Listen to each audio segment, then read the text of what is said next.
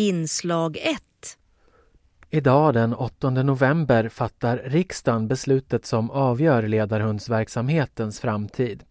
Med största sannolikhet flyttas den från Synskadades riksförbund, SRF, som idag sköter den, till en myndighet och det tycks bli Myndigheten för delaktighet. Vi hör Niklas Mattsson, förbundsordförande i SRF. Tyvärr så eh, ser det väl ut så. Nu fanns det väl något parti som har eh, yrkat eh, på något annat här i utskottet men eh, de stora partierna verkar ju ha bestämt sig för att flytta och då blir det väl så. Mm. I betänkandet här så finns det reservationer från i alla fall Vänsterpartiet som tyckte att frågan skulle utredas på nytt och Centerpartiet som tycker att ni bör behålla ledarhundsverksamheten för de tycker att ideella organisationer har en väsentlig plats även i sådana här sammanhang, också Miljöpartiet. Men det är ju knappast en majoritet i riksdagen som då beslutar.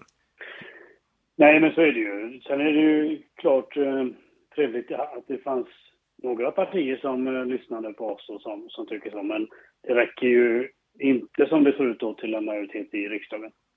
Vad tycker du om det här beslutet? Jag tycker att det är svårt att förstå anledningen till att man gör det. Så att, alltså vi, vi har ju skött det här på ett bra sätt i många år. Och helt plötsligt så tycker man nu att det ska vara staten som gör det. Jag, jag har överhuvudtaget ingen förståelse för beslutet. Vad var det som avgjorde till sist tror du? Ja, om jag hade kunnat förstå det. Men eh, det som hände var ju att efter valet så tog ju Moderaterna över Socialdemokraternas åsikt helt och hållet.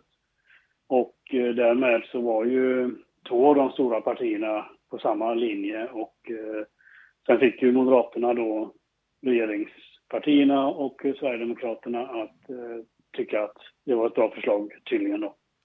Grundargumentet från början har varit att det är staten som ska sköta myndighetsutövning. För det är det det handlar om här, att tilldela och ta ifrån personer ledarhundar. Och inte ideella organisationer. Vad tänker ni om det? Vi har ju hela tiden hävdat att vi tycker det är ett eh, ytterst dåligt argument. För eh, nu har vi ju skött det här i, ja, sedan 2006 och, och inte haft några klagomål egentligen på det utan eh, Socialstyrelsen och Socialdepartementet har ju varit väldigt nöjda med vår hantering och, och vårt arbete. Så att det argumentet tycker vi är ett väldigt tunt argument. Vad kommer det att betyda för ledarhundsverksamheten? Att den flyttar över till en myndighet som regeringen fattar beslut om, eh, sannolikt då Myndigheten för delaktighet? Ja, vi kommer ju såklart att göra allt vi kan för att det ska bli en smidig övergång, en smidig flytt och eh, vi hoppas ju på och förväntar ju oss att det kommer att fungera bra. Men det är ju klart att under en övergångsperiod så kommer det ju att förmodligen vara problem. Det är väl inte orimligt att, att misstänka, men, men vi kommer att göra allt vad vi kan för att ledarhundsförarna inte drabbas på något sätt. Så det är ju vad vi kommer att jobba för. Ja, den 1 april 2024 föreslås då eh, riksdagen fatta beslut om. Räcker det? Det är kort tid för eh, flytten. Samtidigt så har ju det funnits Förslaget har legat länge, men det, det, är konstigt att man inte har fattat beslutet tidigare eller att man inte då valde att flytta fram datumen där ett tag. För det, det ska hända mycket på fyra månader. Ja, vad betyder det här alltså flytten till en myndighet för ledarhundsförarna? Ja, de får ju en myndighet att eh, vända sig till istället för oss. Det är klart att eh, vi har ju agerat som en myndighet också eftersom vi har haft ett uppdrag från myndigheten. Så, så. Men eh, jag tror inte att det kommer att bli lättare för ledarhundsförarna att få kontakt med myndigheten. Det finns väl mycket som talar för att byråkratin kommer att öka.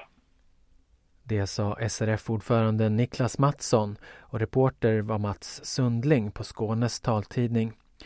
Den som vill följa debatten inför beslutet kan göra det i riksdagens webb-tv-sändning från klockan 13 den 8 november.